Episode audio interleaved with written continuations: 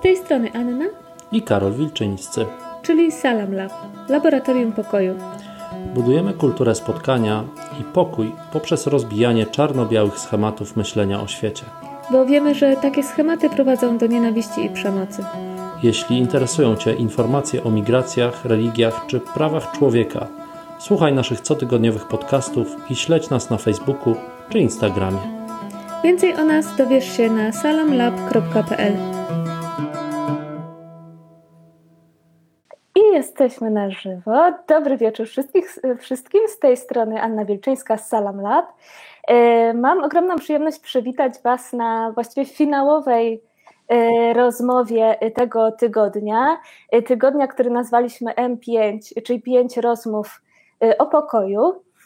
Dzisiaj w ramach e, finału właśnie będziemy rozmawiać o pokoju na Bliskim Wschodzie e, i mam ogromną przyjemność przywitać moje dwie e, rozmówczynie dzisiejszego wieczoru, nasze dwie gościnie. Będą z nami Aleksandra Lubkowska, rzeczniczka prasowa Polskiego Centrum Pomocy Międzynarodowej, również aktywistka, pewnie kojarzycie Ole z no właściwie świetnego również bardzo edukacyjnego e, konta na e, Instagramie i z audycji, którą prowadzi w Halo Radio. Olu, serdeczne dzięki, że jesteś z nami. Dziękuję pięknie za zaproszenie. Dzień dobry. Mm, dzień dobry wszystkim. Cześć Aniu. I jest z nami właściwie na Wasze bardzo liczne i wciąż powtarzające się prośby. Wspaniała specjalistka, kierowniczka Biura Badań i Analiz E, Polskiego Instytutu Spraw Międzynarodowych, doktor nauk politycznych, arabistka i filozofka, doktor Patrycja e, Sasnal. Witaj Patrycja, świetnie, że jesteś z nami. Dobry wieczór, dziękuję Wam za zaproszenie.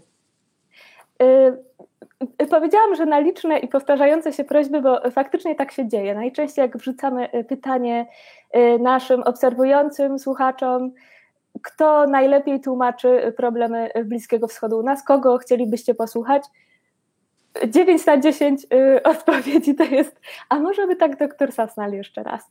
Boże, Więc jak mi miło, bardzo Wam ogromnie, dziękuję. Ogromnie się cieszę, że, że chcesz do nas wracać, bo ja się zupełnie zgadzam z tą opinią, y, że... Ja zawsze, się też dopisuję do tego.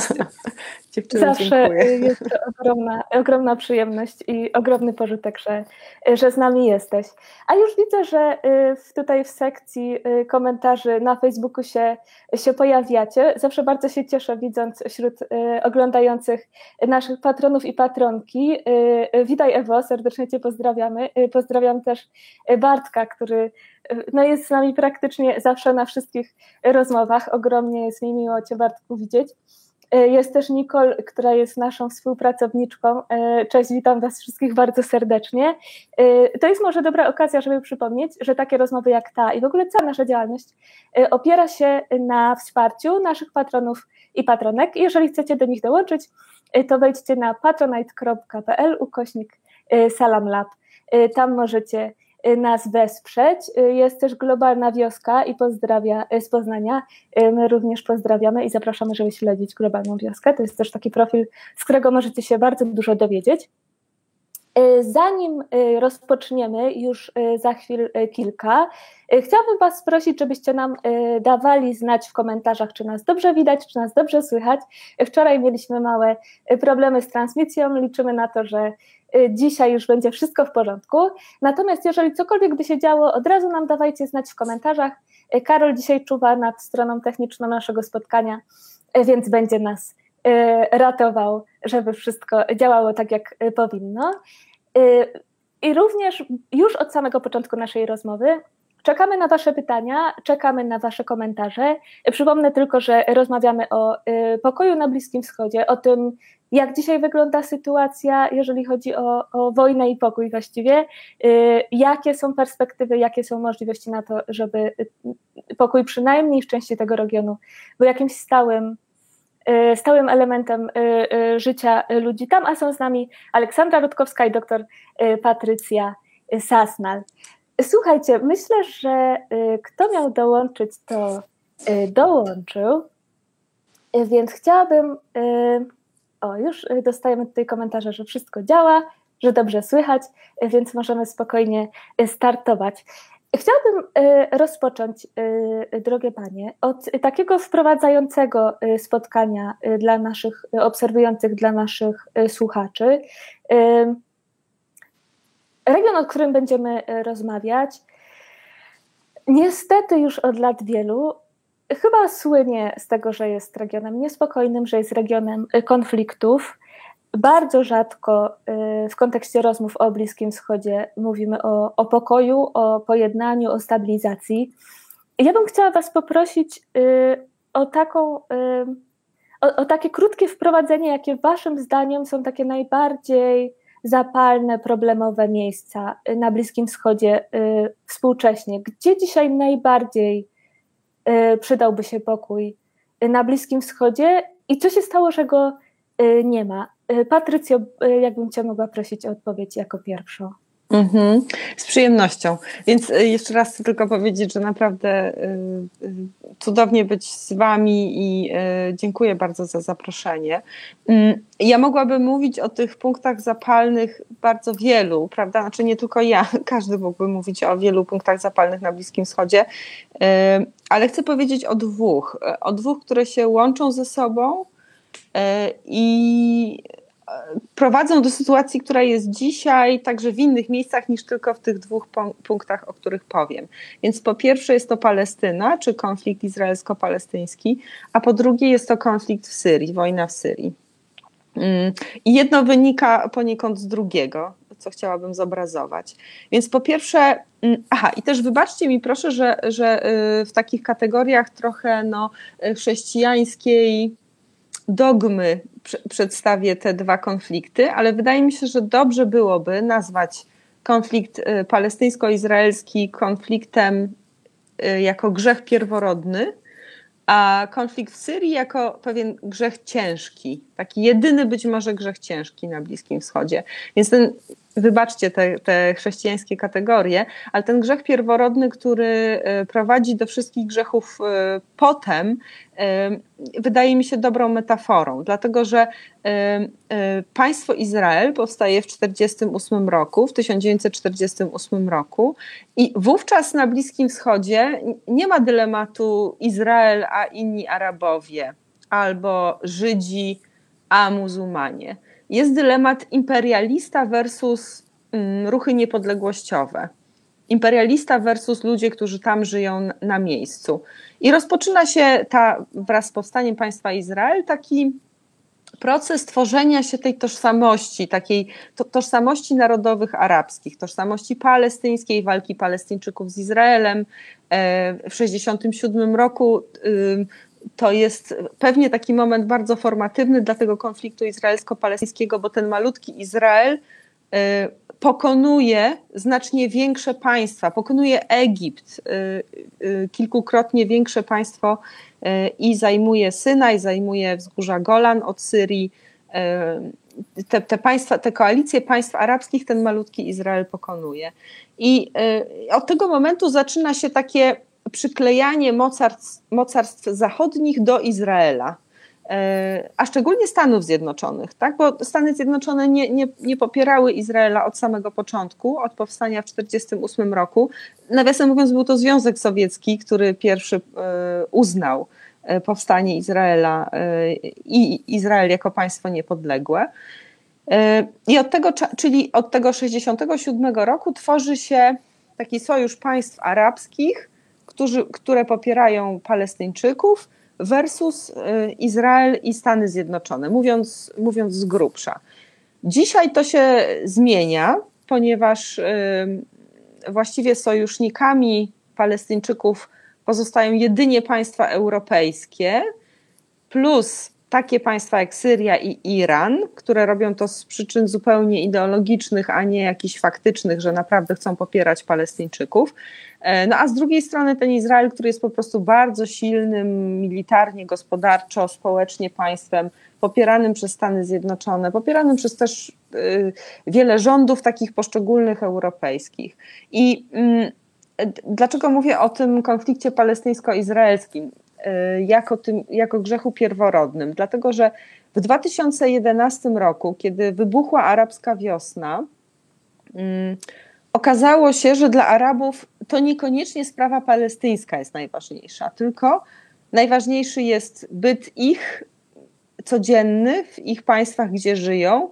E, jest najważniejsze to, że rządy, które nimi rządzą, są niedemokratyczne, e, nie utrzymują sprawiedliwości społecznej, nie, nie potrafią dostarczyć usług podstawowych e, obywatelom a nie jakiś wyimaginowany, mrzonkowy konflikt palestyńsko-izraelski, który wmawiano Arabom, tak, w innych państwach arabskich, że jest najważniejszy.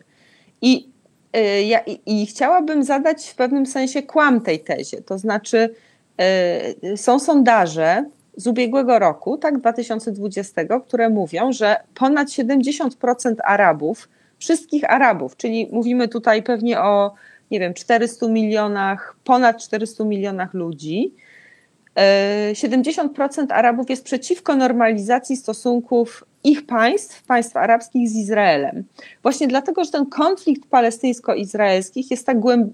E, palestyńsko-izraelski jest tak głęboko zakorzeniony w takim psyche e, regionalnym i nawet jeśli rządy Zjednoczonych Emiratów Arabskich, Arabii Saudyjskiej, Bahrajnu, Omanu, innych państw są skłonne dogadywać się z Izraelem, to społeczeństwa y, nie są na to gotowe i są y, bardzo negatywnie do Izraela nastawione, właśnie z powodu tej historii, tego trudnego konfliktu izraelsko-palestyńskiego, który, y, bo pewnie nie powiedziałam sedna, być może dla, dla wielu z naszych słuchaczy to jest istotne, polega na tym, że E, Izrael okupuje ziemie palestyńskie. Izrael jest stroną silniejszą, Palestyna jest stroną słabszą.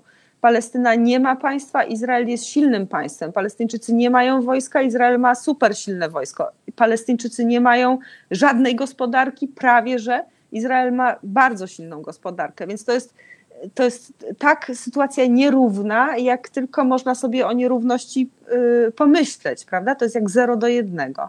Więc ten konflikt oddziaływuje na cały region i gdyby pokój zaistniał między Palestyną a Izraelem, bo mamy mówić o pokoju, to uwolniłby całą masę energii, energii społecznej, politycznej, gospodarczej, no pewnie jakiejś kulturowej w ogóle dla całego regionu.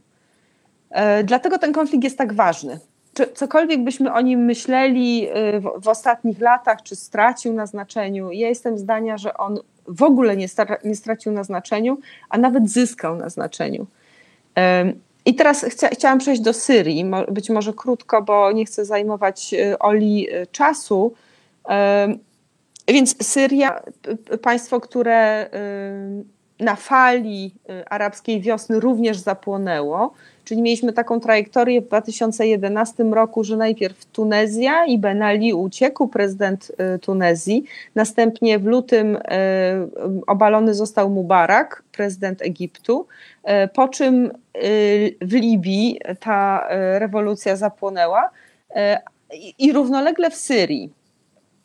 Tylko, że Syria, jako państwo dość duże, prawda, dwadzieścia parę milionów ludzi, i e, bardziej skomplikowane etnicznie, geograficznie, historycznie niż Libia. E, nie tak łatwo, mm, znaczy nie poszło tą samą drogą co Libia i nie tak łatwo było zainterweniować w Syrii, jak zainterweniowano w Libii. Zresztą dlatego Stany Zjednoczone i państwa zachodnie nie zainterweniowały w Syrii, ponieważ tak źle poszła kampania w Libii.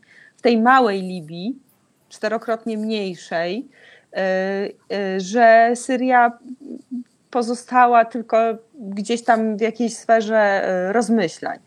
I Dlaczego ta Syria jest ważna? No, mogłabym oczywiście opowiadać o tym, kto tam, którą stronę popiera dzisiaj. Wydaje mi się, że to jest drugorzędne dla takiego ogólnego wniosku, że ponieważ w Syrii zapłonęła wojna domowa, ta rewolucja nie zwyciężyła, rewolucjoniści nie obalili Asada. Asad się utrzymał. On się oczywiście utrzymał dzięki pomocy z zewnątrz, y, dzięki pomocy Iranu głównie, a od 2013 roku y, również pomocy Rosji. E, ale także się utrzymał dlatego, że opozycja miała pomoc z takich y, no, powiedzmy sobie, średnio demokratycznych państw, jak państwa Zatoki Perskiej, czyli właśnie Katar, Kuwait, Arabia Saudyjska. I te, I te, takie macki z zewnątrz po obu stronach nie pozwoliły pewnemu naturalnemu procesowi tam się odbyć, naturalnemu, rewolucyjnemu, społecznemu procesowi tam do końca odbyć.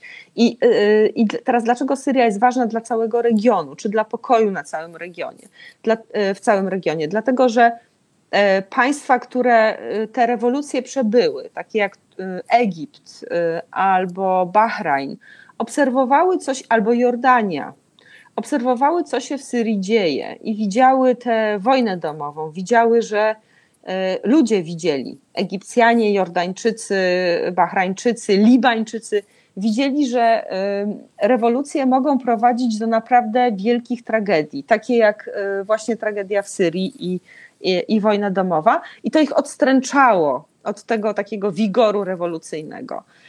Dlatego wydaje mi się, że Syria jest takim, e, już pomijając to oczywiście, że to jest e, wyjątkowo tragiczny konflikt humanitarnie, e, według różnych tam szacunków, no ale możemy się zgodzić, że więcej niż pół miliona ludzi zginęło, a pewnie naście milionów Syryjczyków jest przemieszczonych wewnętrznie, zewnętrznie ale też Syria rezonuje jako konflikt na inne państwa i osłabia ten ferwor rewolucyjny w, w innych miejscach na Bliskim Wschodzie. Gdyby e, w Syrii konflikt zakończył się jakimś procesem konstytucyjnym, jakimś e, procesem pokojowym w tym sensie, że opozycja dostaje miejsce w przyszłym e, systemie, w przyszłym ustroju, w przyszłym, w przyszłym rządzie, to wydaje mi się, to dodałoby tego ognia do takiego ogólnego, rewolucyjnego zrywu gdzie indziej na Bliskim Wschodzie. A tak ta Syria, czy ta wojna domowa w Syrii zastopowała, trochę wyhamowała e, te procesy takie rewolucyjne i, i postępowe, gdzie indziej na Bliskim Wschodzie. E, skończę na tym, przepraszam, jeśli za długo. Absolutnie. Ja myślę, że świetnie. Mhm. E, super. I też, jeżeli mogę się wtrącić na chwilę, to przypuszczam, że wielu z naszych słuchających też tego wątku syryjskiego się spodziewało i też czekało na niego. Ale to, co powiedziałaś o właściwie ciągle żyjącym w ludziach konflikcie arabsko-izraelskim, no to jest, to jest coś, czego do tej pory nie, nie brałam pod uwagę, a, a co faktycznie jest no, niekończącym się problemem całego, całego regionu. Hmm.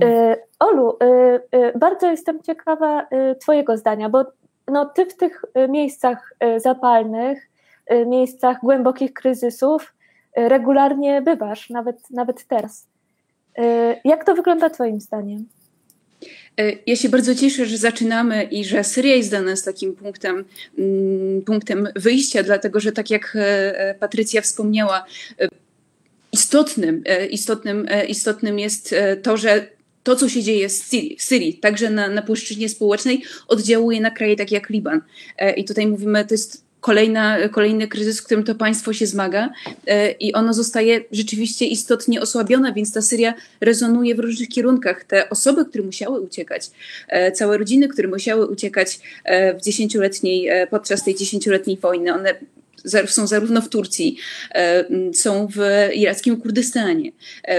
Dokładnie, dokładnie rok temu oczy całej Europy były zwrócone właśnie na, na, na, na granicę turecko-syryjską, właśnie dlatego, że wtedy to, co dzieje się w Syrii, e, była obawa, że może dotyczyć e, naszego kontynentu. Więc to też pokazuje, jak, jak ta Syria jest kluczowym, e, kluczowym miejscem na, na, na mapie świata i na mapie przede wszystkim Bliskiego Wschodu. Ale to, co przede wszystkim chciałabym o tej, o tej Syrii e, powiedzieć, bo gdzieś tam tematem jest e, poszukiwanie pokoju. Bardzo trudno jest mówić o, o pokoju i znajdować płaszczyzny pokoju, kiedy mówimy o państwie, które przez ostatnie 10 lat e, straciło właśnie ponad pół miliona obywateli, gdzie 5 milionów tego państwa to są, mm, to są dzieci, które nie znają innej rzeczywistości niż rzeczywistość wojenna.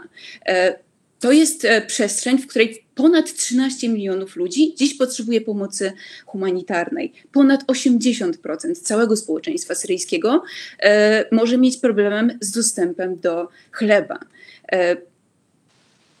E, ten pokój, o którym, o którym dziś mówimy, rezonuje na każdą, na każdą rodzinę i on nawet wraz z końcem bombardowań i nalotów się nie zakończy, bo dziś dokładnie 24 godziny temu wybuchł jeden z samochodów, w którym zginęła cała rodzina. Tam była trójka dzieci, dwie kobiety, e, troje dzieci udało się uratować. Dziesięć osób, z czego siedem e, zginęło, przeżyły tylko trzy. To jest jedna z wielu takich, e, takich e, mm, wydarzeń, Również w ostatnim czasie to wciąż jest e, przestrzeń, która pozostaje areną dla przemocy.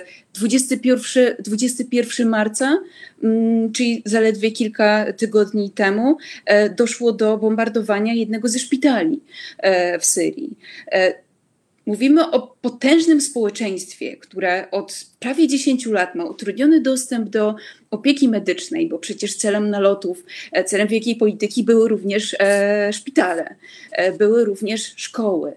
E, miejsca, które winny uchodzić za mm, takie bezpieczne e, punkty których można oczekiwać pomocy, takimi punktami absolutnie, absolutnie nie są. Więc to, to poszukiwanie pokoju na gruncie społecznym będzie szalenie trudne dla całego, e, dla całego e, regionu i nie tylko właśnie Syrii. Stąd ta Syria dla mnie też jest absolutnie kluczowym mm, tematem dzisiejszej, e, dzisiejszej naszej, naszej rozmowy.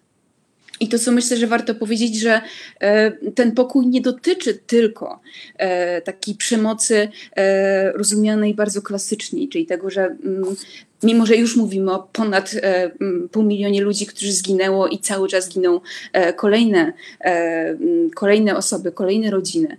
Mówimy o przemocy na gruncie chociażby seksualnym. Pamiętajmy o tym, że tylko w obrębie Syrii połowa, e, połowa e, mieszkańców nie jest w miejscu, w którym się urodziła. Około 13 milionów e, straciło swój rodzinny dom. W dużej mierze gromadzą się te rodziny. To jest ten, ostatnia, ten ostatni punkt zapalny, czyli północno-zachodnia część, której już rok temu mówiliśmy o największym kryzysie humanitarnym stulecia, o przetłoczonych obozach dla uchodźców, w którym właśnie cały czas jest e, nie tylko to niebezpieczeństwo e, rozumiane bardzo, e, bardzo klasycznie wojennie, ale też to niebezpieczeństwo wynikające z braku dostępu do chociażby toalet. Ja pamiętam Syryjki, z którymi rozmawiałam w roku ubiegłym i one opowiadały wstrząsające relacje o tym, że tygodniami unikały mm, chodzenia do toalet takich publicznych, w których mogły wziąć prysznic, bojąc się napaści seksualnej na przykład. E, to, są, e, to jest przemoc ekonomiczna również. E, pamiętajmy o tym, że Syria zmaga się z potężnym kryzysem gospodarczym, więc to są, to są rodziny, które nie mają szansy zarobić na chleb. Muhammad, kolejna osoba, z którą rozmawiałam, bo najlepiej chyba opierać te opowieści o braku pokoju, konsekwencjach pokoju na konkretnych historiach. On miesięcznie zarabiał około 50 tysięcy funtów syryjskich Teraz chyba ten fund syryjski e, w stosunku do dolara osiągnął jakąś historyczną e, przepaść ponad prawie 5 tysięcy, więc wyobraźmy sobie, że miesięczna pensja pozwala nam kupienie kilograma cukru i praktycznie tyle, niczego więcej. E, I już w ubiegłym roku słyszałam od niego, że to, co zarobił w ciągu miesiąca, mógł kupić rzeczy, którymi wykarmi rodzinę przez trzy dni. Już Rok temu znowu urzędnicy ONZ-owscy mówili, że nigdy w życiu nie widzieli w Syrii takiej sytuacji, że całe rodziny po prostu idą spać głodne. A dołóżmy do tego pandemię, która rzeczywiście wzmogła te nierówności, o których dziś mówimy, a to, co wzmaga nierówności, wzmaga też i może być zażywiem konfliktów. Mm, mówimy o, mm, mówimy o potężnym e, mm, nie do braku dostępu do podstawowych, e, do podstawowych e, potrzeb humanitarnych. I jak dołożymy do tego jeszcze sam fakt, że ograniczyliśmy pomoc humanitarną dla Syrii, chociażby przez e, zabranie jednego z przejść granicznych, Bab al-Salam. Przecież to salam to jest dość wymowne akurat e, podczas naszej rozmowy. E, dziś mówimy o jednym przejściu e, transgranicznym i to jedno przejście w ubiegłym miesiącu e, w okolice tego przejścia zostały właśnie e, niemalże celem nalotów prawie 25 tysięcy mm, produkty i, e, i takiej pierwszej potrzeby, taki humanitarny zestaw dla 25 tysięcy osób został stracony właśnie w czasie tych e, nalotów, więc ta pomoc humanitarna jest strasznie trudna. Ta walka o, o, o, taki pokój jednostkowy, społeczny w Syrii w tym momencie e, jest absolutnie wymagająca. I, e, i to, co mm, i też chciałabym nawiązać bardzo do tego mm, przykładu palestyńskiego, bo ja ten przykład palestyński na humanitarnym gruncie e, widzę chociażby w Libanie, bo Liban, e, drodzy Państwo, jest takim m, mm, jedynym miejscem na świecie, gdzie najwięcej gości e, mm, z innego państwa, no właśnie pogrążonego w wojnie, znajduje się na jednego mieszkańca. To znaczy, co piąta, szósta osoba w Libanie jest uchodźcą e, i trudno znaleźć na całym świecie drugie e, takie miejsce, a Liban pamięta wciąż i ma doświadczenie długoletniego uchodźstwa, no właśnie biorąc pod uwagę Palestyńczyków i te obozy palestyńskie, które w Libanie są. Teraz bardzo często podaje się przykład tych obozów syryjskich i, i Libańczycy bardzo dużo mówią o tym, czy, czy to będzie dokładnie ta sama sytuacja, powielenie tej sytuacji.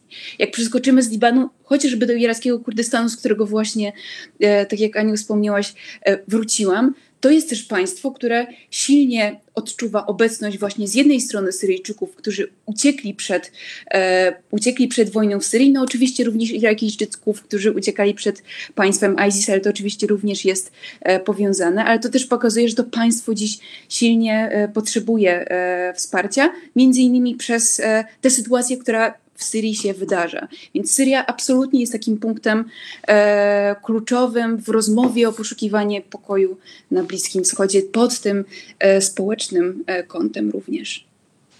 E, bardzo Ci dziękuję, Olu. I dziękuję też, że y, wspomniałaś o takich ludzkich y, historiach, o, o, takich pojedynczych osobach, które tego konfliktu, y, szczególnie w Syrii, doświadczają, bo bardzo często przy takich rozmowach właśnie ten kontekst indywidualnej osoby, indywidualnego y, cierpienia gdzieś, y, gdzieś umyka. Y, także serdeczne dzięki.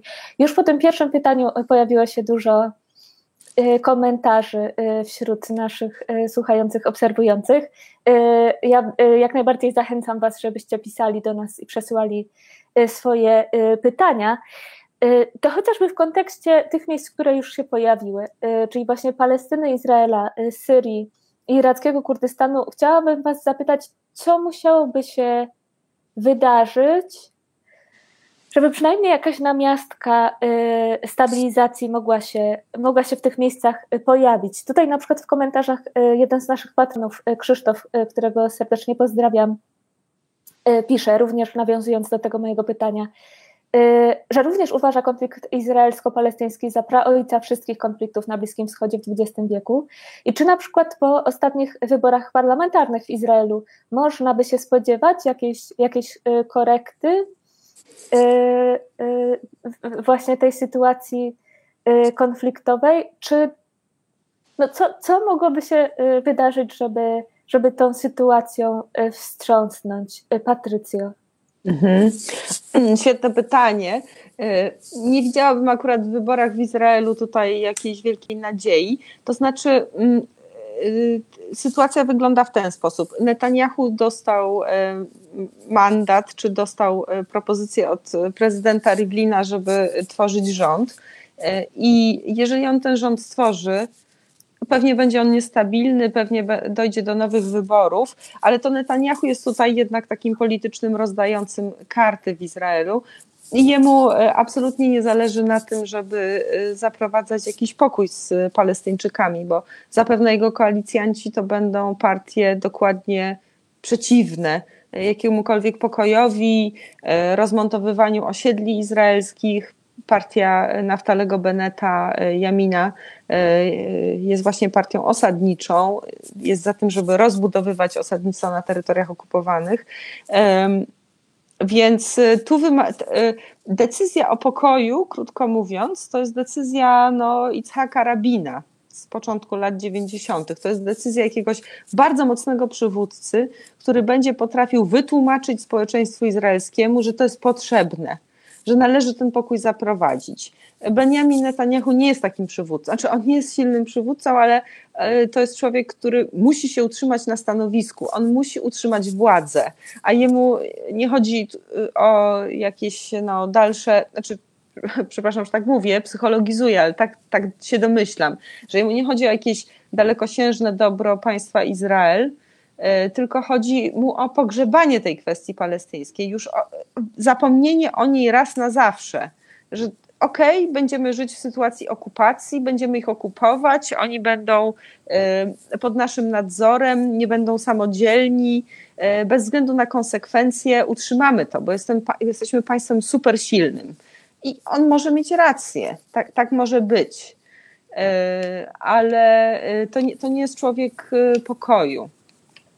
I też trochę nie widać na scenie izraelskiej takiego przywódcy, który byłby w stanie. Być może przez chwilę widziałam go w, w, no, w jego kontrkandydacie Bibim Benjaminie Gansu, to czy tym przywódcy opozycji w poprzednich wyborach. Ale już teraz abstrahując od wyborów w Izraelu, jest kilka kwestii spornych między Izraelem a Palestyńczykami. To jest kwestia granic. One są do ustalenia. Według parametrów Clintona e, plus minus od 5 do 10% terytorium dzisiaj sensu stricte okupowanego może być przyłączone do Izraela w jakiejś tam rekompensacie dla Palestyńczyków w innych terytoriach. E, jest kwestia Jerozolimy. To również w parametrach Clintona, czyli w, parametrach tam z 2000, z 2000 roku e, też jest rozwiązane. To znaczy Jerozolima zresztą właściwie w pierwotnym mandacie była państwem międzynarodowym, państw, e, miastem międzynarodowym, miastem pod kuratelą międzynarodową ONZ-u, miastem jak gdyby no, wolne miasto Gdańsk, prawda? Miastem trochę takim eksterytorialnym. E, no i to jest miasto bardzo ważne dla, dla trzech wielkich religii. To jest tak, jak gdyby mieć miasto, które jest ważne dla dwóch trzecich e, ludności świata, no, albo dla połowy ludności świata.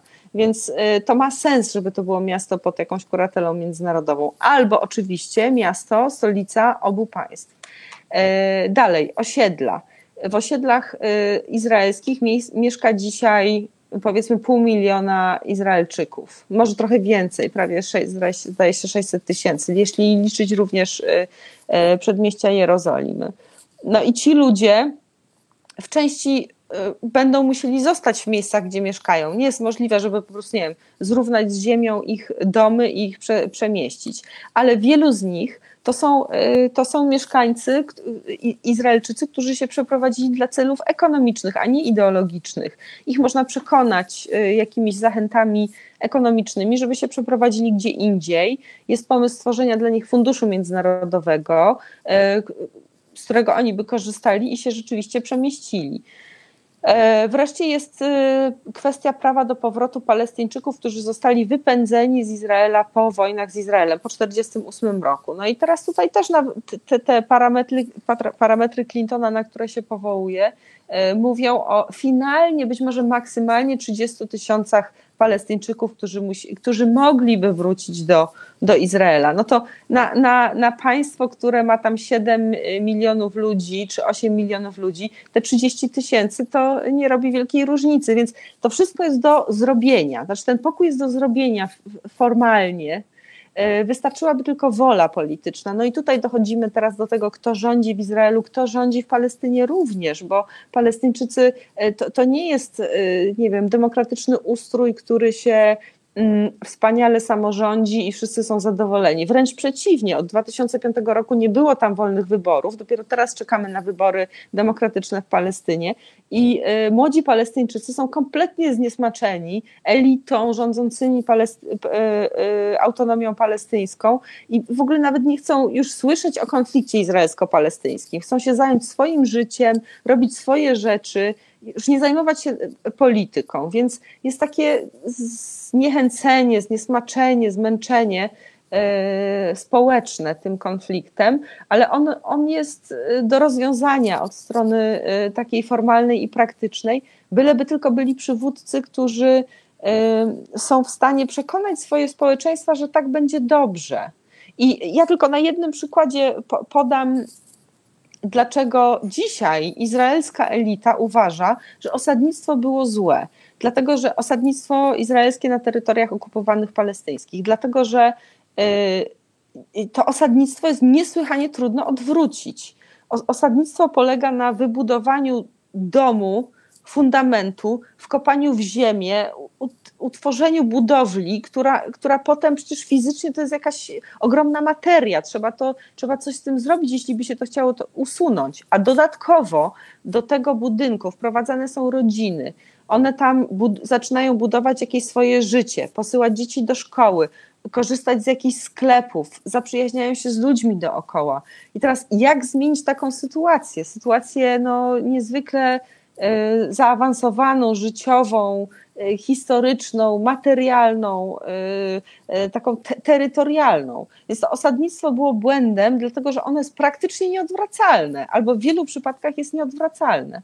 I, i ten pokój wymagałby wyrzeczeń wielu, wielu ludzi, więc tutaj takie przywództwo polityczne, przywódca polityczny, który potrafi wy, wytłumaczyć, że tak, my nie możemy pozostać demokracją, my Izraelczycy nie możemy pozostać demokracją i nadal okupować inny naród, bo sami degenerujemy się, sami degenerujemy od tego, od tego okupowania. Sami stajemy się coraz bardziej radykalni, powstają nowe konflikty w naszym społeczeństwie. Nasza mniejszość arabska, która, której jest 20%, nie potrafi się odnaleźć, jesteśmy do niej coraz bardziej, coraz bardziej wrogo nastawieni. To wszystko powoduje, że my stajemy się bardzo słabą demokracją. Jeżeli ktoś potrafi to wytłumaczyć Izraelczykom, że należy skończyć ten konflikt, należy uwolnić tę energię, należy pogodzić się z sąsiadami, należy wykonać jakiś gest, to, to wtedy nastąpi pokój. I to nie jest nie do wyobrażenia. To jest do wyobrażenia. Wymaga jednak woli i siły politycznej, której e, siłę polityczną Netanyahu miał, ale z pewnością nie miał woli. Ale jednak jestem zaskoczona, bo z Twojej wypowiedzi, jak dla mnie, yy, wypływa taki yy, pozytywny, yy, optymistyczny wątek, że to jest do zrobienia, że to wymaga wyrzeczeń po obu stronach. Być może też jakiś form no, na granicy przemocy, powiedziałabym, no bo jednak postawienie tych nowych osiedli po pierwsze wymagało przemocy, żeby wygnać tych ludzi, którzy tam mieszkali.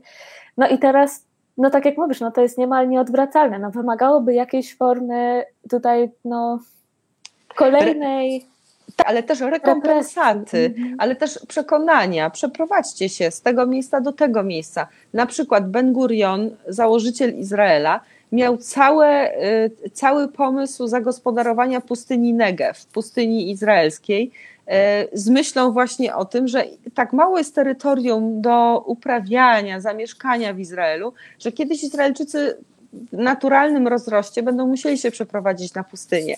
I on miał cały pomysł, jak te pustynie zaadaptować do życia. E, więc to, e, tu nie chodzi o to, żeby ludzi wypędzać siłą.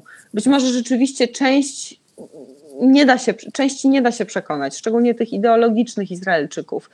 E, do, do tego służą te, ta wymiana ziemi te 5% tu, 5% tam, prawda? Że e, te osiedla już zostaną z nami, tych ludzi nie da się wysiedlić, oni muszą zostać tam, gdzie są. To tak, to jest wszystko brane, y, wliczone w koszta. Natomiast cała masa osadnictwa y, być może za pomocą właśnie tych, tych y, gospodarczych ekonomicznych zachęt da się tych ludzi przekonać, żeby się przeprowadzili. Y, bardzo Ci dziękuję y, y, za tą odpowiedź. Myślę, że to jest temat, któremu moglibyśmy całą osobną rozmowę poświęcić. Jeżeli chcielibyście takiej rozmowy posłuchać, to dajcie nam znać w komentarzach. Już też widzę w komentarzach, że fan klub Patrycji się, się ujawnia, co bardzo miło mi widzieć. Olu, a co z Syrią? Co z Kurdystanem? Co tam musiałoby się wydarzyć, żeby było przynajmniej względnie stabilnie, żeby, nie powiedzieć pokojowo. Na razie mówimy o sytuacji, w której ta liczba osób potrzebujących pomocy humanitarnej jest cały czas większa. E, w mhm. skali e, całego świata o 40% wzrosła liczba osób potrzebujących pomocy humanitarnej tylko w ciągu jednego roku. Nie dotyczy to oczywiście tylko Bliskiego Wschodu. E, w Syrii to jest około 20 e, bodaj procent. E, ale jak pomyślimy sobie chociażby o roku ubiegłym, to te, te potrzeby humanitarne zostały zrealizowane tylko w 58%. To znaczy, że nie wszystkie, nie wszystkie osoby tę pomoc dostały, mimo że powinny. I już dziś mówimy, że w przeciągu najbliższych sześciu miesięcy będzie potrzeba 61 1 milionów dolarów, żeby zabezpieczyć te podstawowe potrzeby, więc tym kluczem, mówiąc o, o, o pokoju już na gruncie społecznym, to są środki, to są pieniądze. I oczywiście te pieniądze pewnie będą się mnożyć tak długo, jak nie powiemy o, o, o pokoju pod, e, e, z politycznego punktu widzenia. E, tylko, że no, e, tego, pokoju, e, tego pokoju wciąż nie, e, nie widzimy i nawet jeśli sprawdziłyby się, ziściłyby się te, te, te, te wizje pozytywne, którym ja się, którym, do których ja się przychylam, bo przeciągający się konflikt e, doprowadza tak naprawdę e, Syryjczyków, ale nie tylko Syryjczyków, ale też te państwa odczuwające kryzys syryjski e, do jakiejś granicy wytrzymałości i symbolicznym właśnie jest ta, ta granica turecko, turecko-syryjska. Co musiałoby się wydarzyć? No przede wszystkim, e, przede wszystkim e, to większe zaangażowanie, też skupienie na Syrii. My też jako, jako e, świat, mówię już o mm, nas słuchających, oglądających, przez 10 lat słuchaliśmy o tym, co dzieje się w tym państwie i to też jest bardzo trudne, chociażby z perspektywy właśnie organizacji zajmujących się pomocą, takim pokojem każdej rodziny to, to, też jest w ogóle inna historia, bo jeżeli zaczniemy rozmawiać o pokoju w państwie, mm, w którym 40% e, mm, całej infrastruktury jest zrównane ziemią, e, w którym e, mm, Bashar al-Assad na początku pandemii apelował, tak jak apelowaliśmy w Europie, stay at home, a mówimy o, o, o ogromnej, potężnej, milionowej grupie, która takiego tego domu nie ma. I albo ten dom właśnie, e, nawiązując do tego, co, co powiedziała Patrycja, już w jakiejś mierze znajduje w innym miejscu, bo e, Syryjczycy, którzy są w tym momencie w Idlibie, e, oni boją się wrócić do innych części Syrii, no bo większość jest zarządzana przez reżim Asada. Z drugiej strony, jak powiemy o e, Syryjczykach e, mieszkających, to jest prawie 30 tysięcy w takim regionie Arsal, e, w którym też każda e, rodzina, z którą rozmawiałam, e, mówi nie, nie, nie, nie ma takiej możliwości, nie ma szans na to, żebyśmy, e, żebyśmy mogli wrócić, bo, bo tego świata już nie ma. Tej Syrii, którą my pamiętamy z, sprzed lat 10, ona nie istnieje. I matki boją się, że ich synowie zostaną siłą wcieleni do wojska. Boją się mm, tego, co zrobi reżim Asada, bo mm, taka lista mm, 100 tysięcy nazwisk krążyła, tych, którzy e, mają spotkać się z gniewem właśnie reżimu za to, że, e, za, to, że, za to, że uciekli, za to, że ten reżim zdradzili, więc e, trudno będzie jakkolwiek ten, e, ten pokój mm, tym ludziom znaleźć e, tylko, że w sytuacji, w której są teraz, czy to jest Liban, czy to jest Jordania, czy to jest iracki Kurdystan, tam też tego pokoju nie mają, bo ich pokojem jest e, schronienie składające się często z drewnianych żerdzi plastikowych płacht.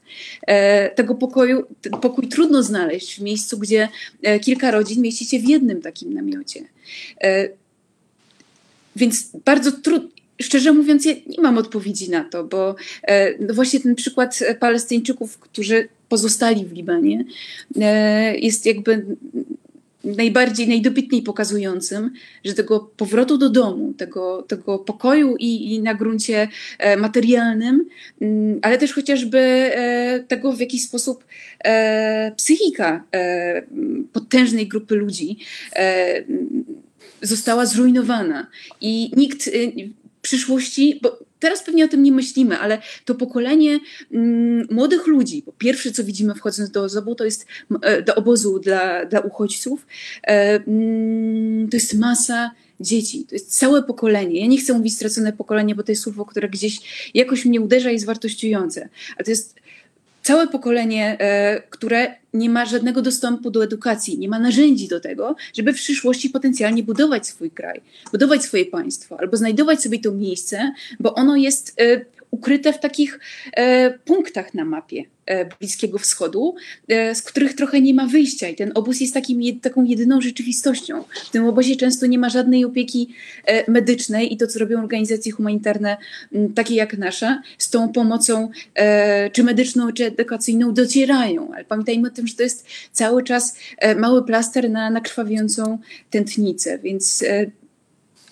na tym gruncie o pokoju bardzo trudno jest mówić. I to iracki Kurdystan pokazuje chyba e, mm, bardzo dobrze o tyle, mm, że tam wiele z rodzin e, Syryjczyków, czy Irakijczyków też, z którymi rozmawiałam, mm, oni z jednej strony to mniejszość języcka, języcka na przykład mówi o tym, że, e, że ma na tyle silną traumę, że po prostu boi się wrócić do miejsca rodzinnego, czyli ten dom już nie jest domem i nigdy nie będzie. E, Inna część nie jest w stanie w żaden sposób e, zabezpieczyć swojej rodziny finansowo, więc wybiera e, i jest zmuszona do tego, żeby wieść życie uchodźcy. A perspektywy nie ma, bo nie ma wystarczająco dużo e, środków pieniężnych przeznaczonych, nie ma wystarczająco dużo uwagi też e, globalnej na to, żeby ten problem rozwiązać, a ten problem będzie się tylko potęgował, bo z roku na rok e, tych osób potrzebujących pomocy jest tylko więcej i więcej będzie. I naszym zadaniem jest e, jakby zatrzymanie się na chwilę i zwrócenie uwagi na to, że za 20 lat naprawdę nie, może nie być czego zbierać na gruncie społecznym. I, e, mm, i to się też przekłada chociażby na później już, jeżeli iracki Kurdystan jest takim e, miejscem właśnie pokoju e, w Iraku, to znaczy najbezpieczniejszym miejscem, do którego i Irakijczycy, i Syryjczycy uciekali. E, tylko jak teraz patrzy się na miasta, które m, takie jak e, chociażby w dystrykcie m, Sheikhan, gdzie liczba osób, e, mieszkańców wzrosła dwukrotnie, gdzie miasta są kompletnie niedostosowane, bo one w przeciągu m, od lat 70. E, ten dystrykt Sheikhan z przestrzeni takiej rozwojowej, miasto, które mm, miało tam kilka kilometrów kwadratowych takiego klasycznego zabudowania, przeszło do kilkudziesięciu. E, mm, infrastruktura taka, znaczy to są takie kwestie, o których nie myślimy, bo one nam się nie kojarzą mm, z pomocą. Ale mówimy o miejscu, gdzie kanalizacja nie wytrzymuje, gdzie nie ma szkół, gdzie nie ma wystarczająco wody. To jest kolejny problem też oczywiście w dużej mierze polityczny, ale nie tylko, e, które powoduje, że, e, że tego ograniczonego zasobu e, może zabraknąć, ale też tego ograniczonego zasobu w sensie też jakościowym, bo tej wody pitnej w ciągu najbliższych dekad, jak mówią e, eksperci, w samym Iraku może po prostu nie być. Więc tych problemów wynikających nie tylko z tej sytuacji, ale też z, mm, chociażby właśnie ze zmian e, klimatycznych, ja już nie chcę tego wątku tutaj dokładać, jest bardzo dużo, ale ostatecznie chodzi mi o to, że tych e, takich punktów, tych takich uderzeń, które dostaje taki przeciętny Mohammad, e, czy przeciętna Fatima, bo, e, bo cały czas musimy pamiętać o tym, że za tymi wielkimi liczbami są konkretne rodziny i te rodziny w tym momencie są w dużej mierze zdane na, na pomoc i w tej dużej perspektywie, co widać na przykładzie e, uchodźców w irackim Kurdystanie, czy mm, czy, czy, czy Palestyńczyków w, w Libanie, którzy są tam od lat 70., mają w obozach, czy Syryjczyków, którzy, no właśnie, co, co, co będzie z Syryjczykami, którzy już to, e, to swoje mm, państwo opuścili, albo nie opuścili państwa, ale znaleźli się w zupełnie innym obszarze i tłoczą się na, e, na małym obszarze, który, e, który został w roku ubiegłym przez Davida Milibranda nazwany właśnie drugą strefą gazy, jak już nawiązujemy do, do, do, do Palestyny w tej materii, także E, sytuacji humanitarnej. Mhm, Patrycja, jeszcze coś chciałaś dodać? E, tak, jeśli mogłabym tylko e, kilka zdań do tego, co powiedziała Ola, bo właśnie to jest, wydaje mi się, ba bardzo ważne. Taka procesualność wojny i procesualność pokoju, to znaczy to nie są wydarzenia, które coś kończą diametralnie, szczególnie w przewlekłych konfliktach, tylko bo, po, popatrzmy na drugą wojnę światową w Polsce, prawda? Czy E, czy, czy to miało znaczenie, że skończyła się II wojna światowa w 1945 roku dla e, zrujnowanej Warszawy w 1944 roku i tych ponad 100 tysiącach ludzi wymordowanych tutaj. Nie, oni już byli wymordowani, Warszawa była zniszczona. Ten e, moment pokoju, pod, nie, nie podpisania pokoju, ale kapitulacji Niemiec, to jest po prostu jakiś tylko moment do zapisania gdzieś w podręcznikach. Albo czy dla wymordowanych pod Sommą w, w I wojnie światowej albo pod Verdun e, miało to znaczenie, że się odbyła konferencja pokojowa w Wersalu. No po prostu to, to yy, procesualność wielkich konfliktów ma to jest, ma pewną swoją dynamikę, prawda? Więc po prostu Syryjczykom już w pewnym sensie nic nie pomoże. Czy, czy akurat temu, tym, o, którym, o których mówi Ola, y, tym dzieciom, też byłam w tych obozach w Kilis, w Gaziantep, to, to jest w jakimś sensie pewnie stracone pokolenie. Ci, ci, te dzieci się bardzo mało uczą, y, y, ale pokój miałby takie znaczenie ostatecznie, że oni być może dostaliby pewną nadzieję, prawda, która jest y, bardzo ważna dla, dla, nie tylko dla rozwoju, nie wiem, młodych ludzi, ale być może dostaliby pewną taką gwarancję, pewną pewność, że jak wrócą gdzieś, pojadą, E, to nie zostaną wtrąceni do więzienia, nie zostaną zaszczeleni. Chciałam tylko jeden proces tutaj e, wspomnieć, znaczy proces właśnie sensu stricte, dlatego że w Niemczech został e, oskarżony o współudział w zbrodniach przeciwko ludzkości człowiek, który no, pracował w więzieniu w Damaszku czy w w okolicach Damaszku i był odpowiedzialny tam y, za, za jak uznał sąd y, niemiecki, za zbrodnie na y, Syryjczykach, którzy w tym więzieniu byli przetrzymywani. Więc to jest w pewnym sensie taka, ta, takie światło w tunelu, że jednak nawet narodowe sądy, jak ten sąd niemiecki, korzystając tam z tej jurysdykcji uniwersalnej, mogą sądzić europejskie sądy, jakiekolwiek sądy na świecie, mogą sądzić Syryjczyków, którzy przebywają na ich terytorium, za zbrodnie e, właśnie popełnione w, w czasie tej wojny. Więc zbrodniarze syryjscy tak jak pewnie zbrodniarze w innych y, y, wojnach, nie mogą się czuć do końca y, bezkarni. I, i to w pewnym sensie daje, daje taką nadzieję, a, a, na pewno już daje nadzieję Syryjczykom, którzy są w Niemczech, których jest tam pr prawie milion, prawda? Nie znam dokładnie te, te, tej liczby, ale jest ich mnóstwo. I więc to daje taką, taką nadzieję, daje pewną ufność i w ten, i w ten system, i w nasze systemy europejskie, i w no, taką ufność, że być może ta wojna nie jest na każdym froncie przegrana. Nawet jeżeli nie będzie traktatu pokojowego, porozumienia przy stole e, i tak dalej. Jak ja bym mogła dodać tylko jedno słowo, bo ja. niecały mhm. miesiąc e, temu został wydany taki raport, e, który niezależna komisja przez 10 lat weryfikowała pod kątem właśnie tych zbrodni, jakie zostały dokonane na, na narodzie syryjskim. E, ten, ten raport obejmował od marca 2011 roku do 2020.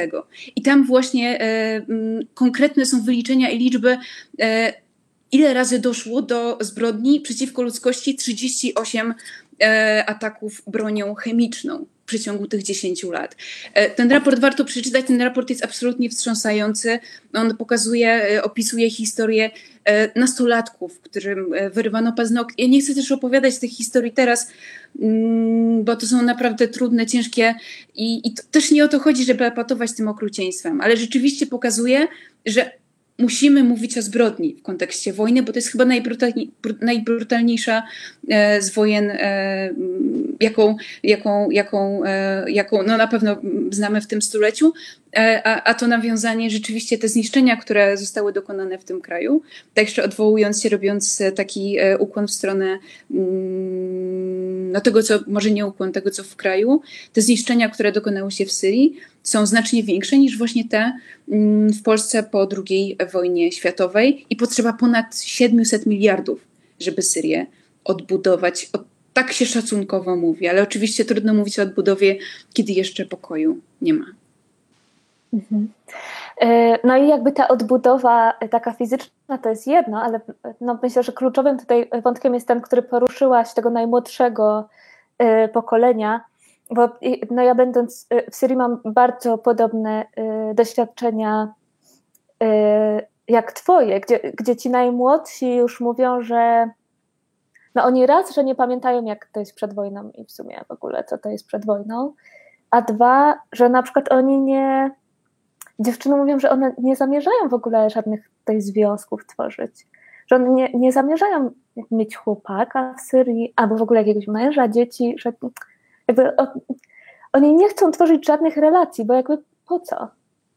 I to trochę no, łamie, no, łamie człowieka, jak, jak się tego słucha, że yy, no oni mówią, że no no ale po co to będziemy robić? Przecież tak, i tak jest wojna, i jak będzie wojna, to po co, po co my mamy te dzieci rodzić tego dla kogo? Żeby, no, żeby się działy tak jak my. No więc tutaj jakby to, to, co mówisz, te 70 miliardów, tak? To jest jedna rzecz, a no właśnie, co, co, co, co, co z tymi e, co z tymi ludźmi, nawet jeżeli te te domy się y, odbuduje. Y, bardzo dużo niesamowicie ciekawych wątków poruszyłyśmy już teraz. Też ten wątek sprawiedliwości, no bo z jednej strony mamy takie, takie procesy jak ten w Niemczech, o których Patrycjo wspomniałaś, o którym wspomniałaś, a z drugiej strony mamy takie sytuacje jak obóz Al-Hol, gdzie przebywają osoby oskarżone o współpracę w niektórych przypadkach prawdziwą, w niektórych pewnie domniemaną z, z państwem islamskim, z którymi nie wiadomo co będzie i których też niektóre kraje europejskie się wypierają i mówią, że a, no to właściwie to iracki sąd was powinien albo syryjski sądzić ma tutaj.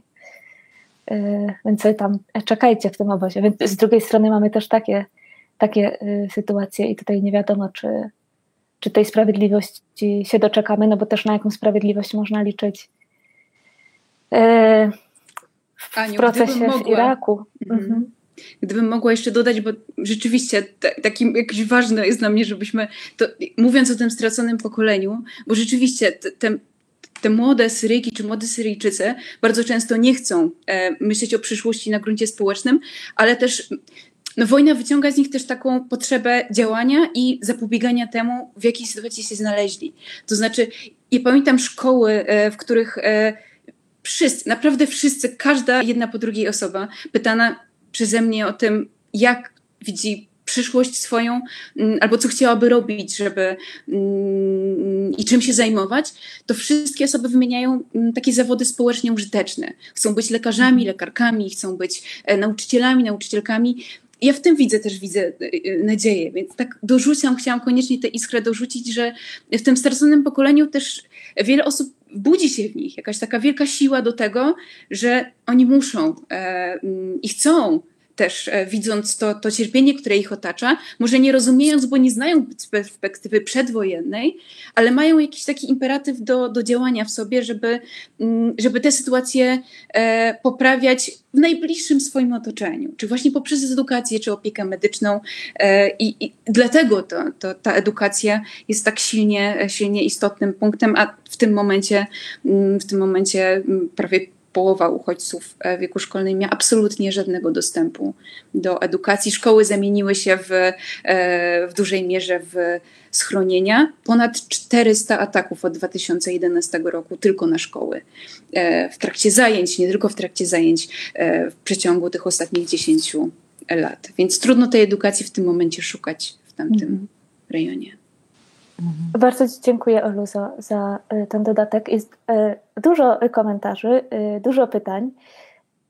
Oczywiście zachęcam, żeby w dalszym ciągu je zadawać, chociaż no to powoli może być ostatni moment, żeby się do tej naszej dyskusji włączać. Pozwólcie, że ja się tutaj tylko podłączę szybciutko. O, i możemy kontynuować. Natomiast jest, jest trochę pytań dedykowanych do każdej z Was. E, pozwólcie, że e, zrobimy sobie taką sprawną rundkę, żeby przynajmniej na część z nich odpowiedzieć. Pytanie od Joanny. Olu, na pewno była Pani w Syrii. Jakie są Pani refleksje i szczególnie jak reagowali ludzie na, na Twoją obecność tam? Pyta Joanna. E, ja muszę doprecyzować, ja byłam na pograniczu syryjsko-libańskim, e, tuż przy granicy z Syrią. Z Syryjczykami rozmawiałam i w Iraku, e, i w Libanie. Z Syryjczykami rozmawiałam też w Syrii, tylko to były rozmowy mm, online, o tak. I w ten mhm. sposób ten kontakt utrzymywaliśmy. Fizycznie mnie tam nie było, ale to, co jest kluczowe i istotne, to jest niesamowicie gościnny mm, naród ja niezależnie od sytuacji, mm, każdy namiot, który odwiedzałam, e, to było zaproszenie na kawę i w każdym tym namiocie e, tę kawę należało wypić. To, to, to często wiązało się z tym, zresztą w Palestynie jest, jest podobnie, po prostu nie wypada tego nie zrobić, bo w jakiejś e, mierze to jest, to jest brak okazania szacunku, więc czasami po, po takim całym dniu bycia po godzinie w każdym, e, w każdym miejscu. Tych kaw wypijałam naprawdę e, niezliczone, e, niezliczoną, niezliczoną liczbę. Mm, ale to, co jest właśnie kluczowe i, i ważne, bo często budujemy ten obraz uchodźców bardzo niesprawiedliwy. Absolutnie wszystkie osoby, które poznałam, traktowały mnie naprawdę niesamowity sposób. Wchodziłam do obozu, podchodziło na mnie szereg, na przykład cztery dziewczynki, które zerwały gdzieś kwiat i podeszły do mnie jak mm, i, i, i go położyły na ręce i chciały okazać wdzięczność za to, że widzą polskie organizacje, które są na miejscu, które niosą pomoc w taki symboliczny sposób. E, nawet jeżeli jest bariera komunikacyjna i trudno nam się porozumieć, ja się odniosę jeszcze do tego, co, co mówiła Patrycja o. Mm, o tym, że duża część Syryjczyków rzeczywiście znalazła miejsce bezpieczne w Niemczech. Ja miałam taką sytuację, że spotkałam e, mm, jedną rodzinę i mieliśmy ten ten, ten, problem komunikacyjny i w tym momencie pani bierze telefon do ręki i dzwoni do swojej e, kuzynki, która jest w tym momencie w, e, w Berlinie e, i ona się łączy z nami i pomaga nam tłumaczyć e, i się porozumiewać, więc też symbolicznie ten, ten wątek niemiecki pojawił się podczas moich, e, moich podróży i moich wyjazdów. Ale nie, nie przedłużając, niesamowita gościnność, ale też takie wielkie docenienie tego, że, e, że widzimy ich i nie, nie odwracamy wzroku. Mhm. E, zupełnie się zgadzam, mam bardzo e, podobne doświadczenia i tak jak pokazywałam w trakcie, jak mówiłaś, po niektórych dniach przechadzania się po no nawet zrujnowanych dzielnicach, gdzie ludzie bardzo chcieli nawet jakieś resztki tej kawy nam ugotować, no prostu już chodziliśmy tak, bo tyle tej kawy wypiliśmy.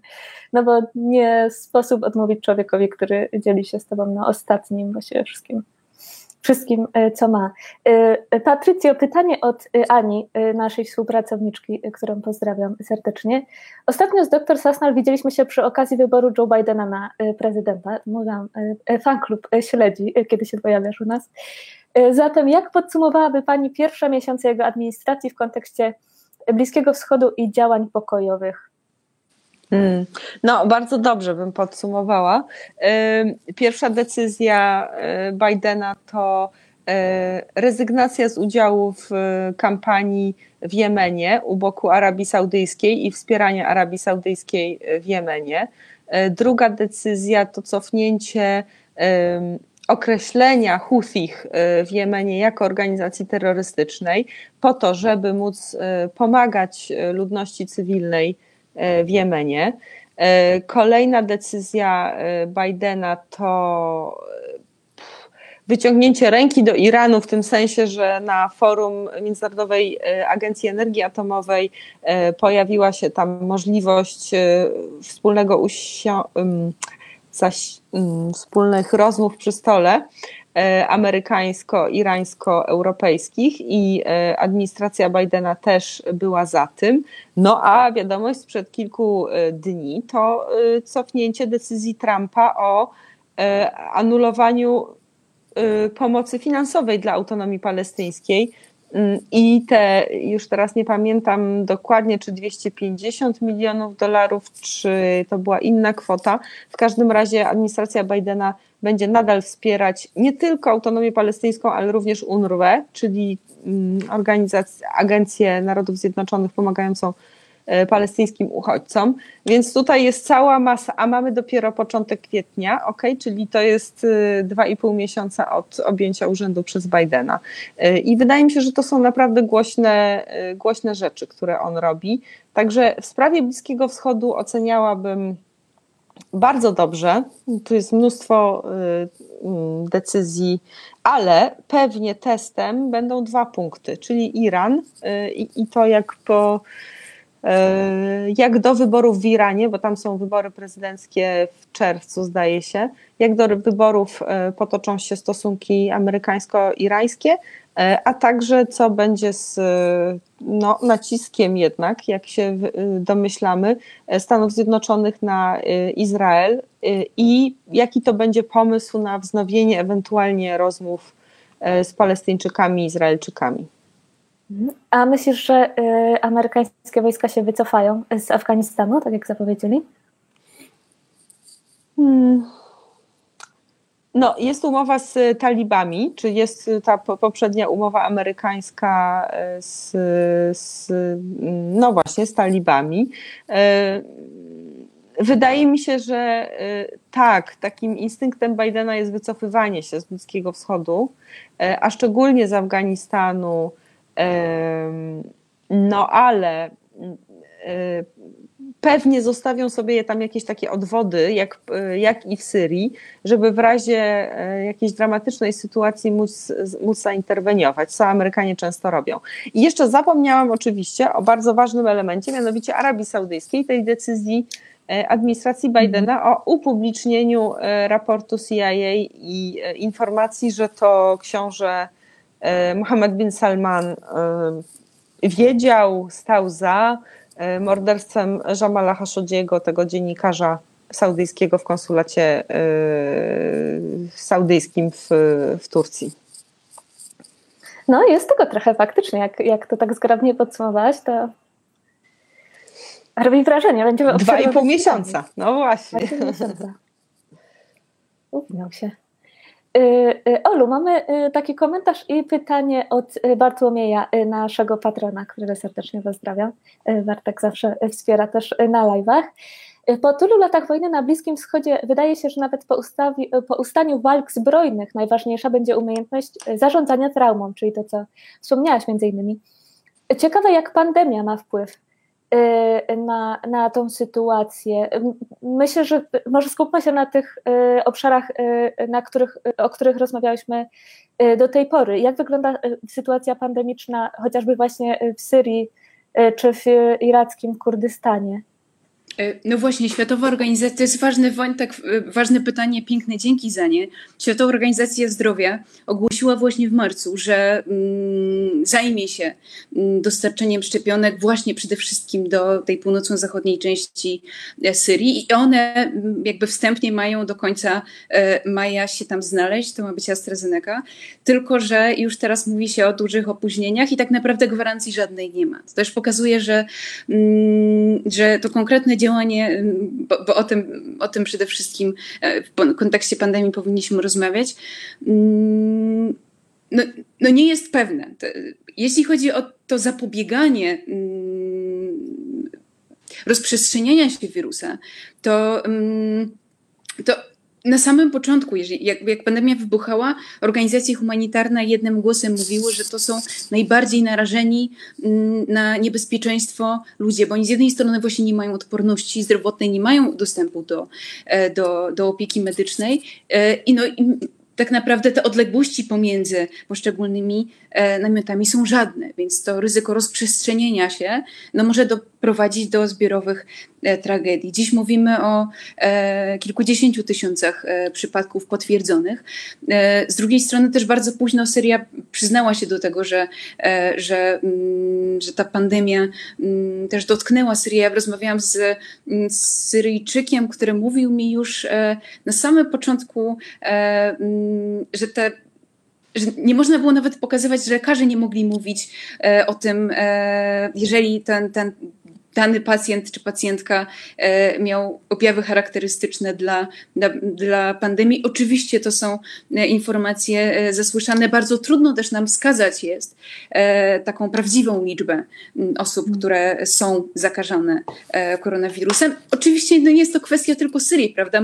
Jakby te dane, które słyszymy, mogą być bardzo różne, ale rzeczywiście w kontekście Syrii to też na początku było bardzo, bardzo polityczne, wręcz, ale to są już naprawdę Mm, opowieści e, zasłyszane mm, że osoby, które, mm, że lekarze, którzy, e, którzy byli na przykład zdiagnozowani e, i mieli koronawirusa pod właśnie zagrożeniem w ogóle odebrania, odebrania życia, o tym mówić nie mogli. No ale tego nie jesteśmy w stanie w żaden sposób weryfikować. Wielu zbrodni nie jesteśmy wciąż, tak długo jak nie ma świadków e, czy świadkowych tych e, wydarzeń. Ale to, co zmogła pandemia, utrudniła, bo to też trzeba dodać kontekst transportu, bo ja mówiłam o zamkniętym przejściu e, transgranicznym, bo zostało, zostało teraz jedno. Pandemia oczywiście wzmogła te trudności. Mówimy o tak zwanym woskim gardle przy dostawach, transportach pomocy humanitarnej. E, nam jako fundacji e, udało się w roku ubiegłym, ale to dzięki tak naprawdę właśnie mm, polskim darczyńcom, wysłać e, takie domy, które mm, stały się ośrodkami kwarantanny. E, były częścią takiego projektu ONZ, które miały izolować osoby zakażone. Mm, te domy zresztą można tak naprawdę w kilka godzin zbudować. Te domy też to się może wydawać tylko, tylko, mm, tylko szczegół, ale bardzo istotny, one są zamykane. Znaczy, to jest ten, ten, ten, mm, ten tak, taka troska o budowę pokoju w, w, mm, w obrębie jednej rodziny, bo my te domy też, e, też stawiamy w innych, e, w innych częściach, w innych e, miejscach i one mają właśnie zapobiegać potencjalnie e, i, e, i, i, i ryzykowi przemocy, tego, że no właśnie chociażby kobiety boją się wychodzić e, po zmroku, bojąc się o swoje zdrowie i życie. Tak, te domy e, mają mieć też, e, troszczyć o to zdrowie i życie w kontekście właśnie e, pandemii. Więc liczba, ta pomoc, której udzielamy jest znacznie, trudniej, znacznie trudniejsza do, do ziszczenia się, ale jest możliwa pandemia tak naprawdę, jak w różnych częściach na świecie, w różnych częściach globu, potęguje te problemy, które, które już były i oczywiście to ryzyko jest cały czas bardzo duże. Ponad setkę takich punktów wyznaczono w Syrii, e, w których ma dochodzić do szczepień, bo to też jest wyznanie, znaczy wyzwanie, przepraszam, żeby e, w, mm, żeby w bezpieczny sposób e, mm, wyszczepić całe, mm, na całe grupy. Ponad do końca roku mówi się, że 20% społeczeństwa syryjskiego jest planowane zaplanowane, ale to są plany, które, które jak wiemy ziścić się mogą w różny sposób. Drugi kwartał to był ten, to był ten, to był ten moment, kiedy e, pomoc w postaci szczepionek AstraZeneca ma, ma trafić, ale już teraz to się przesunęło. Czy się wydarzy w maju? Nie ma żadnego potwierdzenia i absolutnie żadnej gwarancji, że to się, e, to się wydarzy, bo Syria gdzieś tam w tej, w tej kolejce mm, jest e, znacznie dalej, bo opóźnienie dostaw, które my odczuliśmy też jako kontynent, w jakiejś mierze też rezonuje na to, co dzieje się, na to, co dzieje się w Syrii, na Bliskim Wschodzie.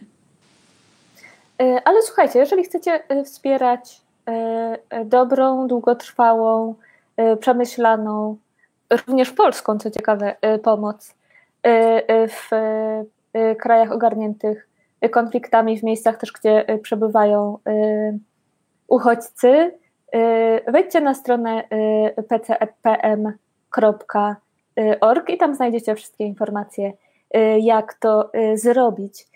Pozwólcie, że zatrzymam Was jeszcze chwilę na może jedno, dwa ostatnie pytania. Mamy ciekawe pytanie od Kuby, który pisze w kontekście wypowiedzi Patrycji o Palestynie. Czy pokładanie aż tak dużej nadziei w politycznej woli przywódców rzeczywiście ma sens? Czy jest jakaś nadzieja na bardziej oddolne, być może demokratyczne rozwiązania konfliktu y, między Palestyną a Izraelem? Mhm. E, świetne pytanie. No właśnie tak, myślę, że pokładanie nadziei w politycznej woli ma sens, ponieważ e, nawet jeśli zadzieje się mnóstwo rzeczy oddolnie, to bez ostatecznie tego podpisu na górze nie będziemy mieć pokoju między Palestyną a Izraelem. E, I dzieje się bardzo dużo na dole. Dzieje się pod każdym względem e, społecznie, kulturowo, e, kulinarnie, muzycznie.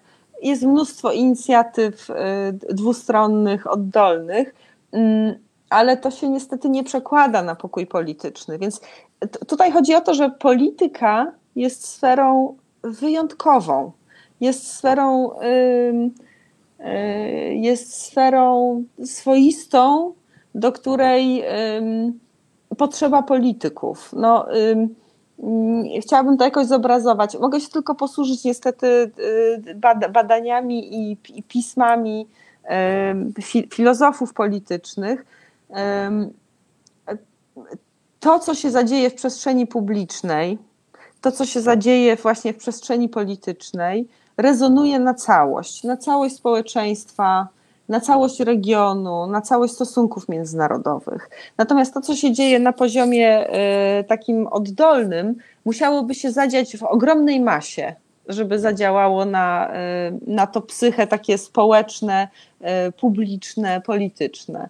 I e, po, polityka jest, e, na przykład Hanna Arendt tak uważała, że ta swoistość polityki polega na tym, że polega na, na tym, że wolne jednostki współdziałają. Na, na, na, na pewnym współdzia możliwości współdziałania, która jest widziana yy, i która jest odczuwana.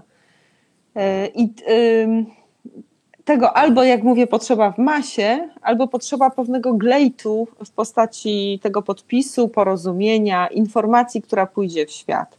I dlatego jest potrzebne to. Y, y, a, a, a to, co pójdzie w świat i to porozumienie z tym podpisem, y, przekłada się na prawo, przekłada się na, na to, jakie kto ma prawa i czego może się domagać. Więc to jest cały system naczyń połączonych i wydaje mi się, że wiara, w, a szczególnie w przypadku konfliktu izraelsko-palestyńskiego, kiedy tak dużo się dzieje na, na poziomie takim oddolnym, e, pokładanie nadziei w tym jedynie nie wystarczy. No tutaj się, e, owszem, ci ludzie tworzą pokój w takim sensie, że się poznają, że coś robią wspólnie, e, ale dla praw ludzi, dla tego, czego mogą się domagać w sądzie, potrzebny jest podpis y, polityczny. I, i, I, o to tutaj chodzi. Więc dlatego wydaje mi się, że ta wola polityczna i ta gotowość do pokoju ze strony polityków jest fundamentalna. Nie, nie wydaje mi się. Myśl, myślę, że tak jest. Tak jest. Serdeczne dzięki. Y, y, jeszcze Olu, tutaj jest podziękowanie dla Ciebie od Joanny za Twoją wcześniejszą odpowiedź. Joanna się też zastanawia, dlaczego PCEPM jest w miejscach, gdzie przebywają uchodźcy syryjscy, a już nie y, w samej, nie bezpośrednio y, w samej Syrii, ale wydaje mi się, że, że powiedziałaś trochę coś innego, że jednak na tym pograniczu syryjsko-tureckim y, jesteście i, i wspieracie ludzi, którzy tam przebywają. To znaczy, my pomagamy Syryjczykom także w, mm, w obrębie Syrii, tylko rzeczywiście jest to pomoc pośrednia odbywająca się poprzez mm, agendę ONZ-owskie, bo to one mają większe narzędzia też, e, jako duże podmioty do tego, żeby strategicznie tę pomoc nieść, bo to nie chodzi o to, żeby fizycznie tam być i powiedzieć, tak, my to zrobiliśmy, tylko to jest duży, duży projekt, wielomiliardowe tak naprawdę e, inwestycje, które mała organizacja z Europy Środkowo-Wschodniej nie byłaby w stanie udźwignąć, bo cała pomoc odbywa się w konkretnych sektorach, w konkretnych obszarach. Osobno jest chociażby sektor WASH, osobno jest sektor shelter. E, to jest ten, którym my się w dużej mierze e, zajmujemy, czyli zapewnieniem schronień, czy przy trudnych warunkach atmosferycznych to jest rzecz, o której nie było okazji też powiedzieć w dobie, mm, dobie pandemii. Też trudno jest zachować tę odporność w sytuacji, kiedy silny wiatr i to jest dokładnie, to jest ostatni raport, e, który mówi o tym, że w ponad 88 miejscach e, doszło do jakichś takich poważnych zniszczeń tylko w wyniku silnego wiatru. Oczywiście z jednej strony jest silny wiatr, są takie mm, problemy jak, e, jak, e, jak powodzie, jak pożary. Pożary czasem wynikają z tego, że na przykład Syryjczycy, syryjskie rodziny, którym jest zimno, e, organizują, starają się w jakiś sposób e, siebie ogrzać siebie i swojej rodziny, tę przestrzeń, w której żyją. Więc tych niebezpieczeństw, jest, o których można by rozmawiać, jest tutaj rzeczywiście bardzo dużo. Więc my na nie, my na nie reagujemy także w obrębie Syrii, tylko tak jak mówię, to jest, e, to jest e, pośredniczym z agendami ONZ-owskimi, które odpowiadają za poszczególne sektory, a w takim Libanie, gdzie jesteśmy od początku kryzysu, bo do 2012 roku, czyli praktycznie jak te, te pierwsze grupy uchodźców z Syrii przemieszczały się do Libanu, to my już tam fizycznie byliśmy. Tam mamy zarejestrowane biura i tam możemy rzeczywiście szeroko działać, bo mamy kilkanaście projektów tylko w Libanie. Więc to też chodzi o to, żeby to robić strategicznie, e, żeby to robić rozsądnie, e, żeby tak jak my zatrudniamy mm, przede wszystkim Libańczyków na miejscu, odprowadzamy podatki też jako organizacja zarejestrowana w Libanie, właśnie w Libanie, mm, i na tym to polega. Nie żeby fizycznie coś wieść, bo to też jest jedna z kluczowych rzeczy i stare obalane, mm, obalane pytanie, w jaki sposób można pomóc rzeczowo. Znaczy nie można pomóc rzeczowo, wysyłanie czegokolwiek nie ma sensu, bo to generuje koszty transportowe.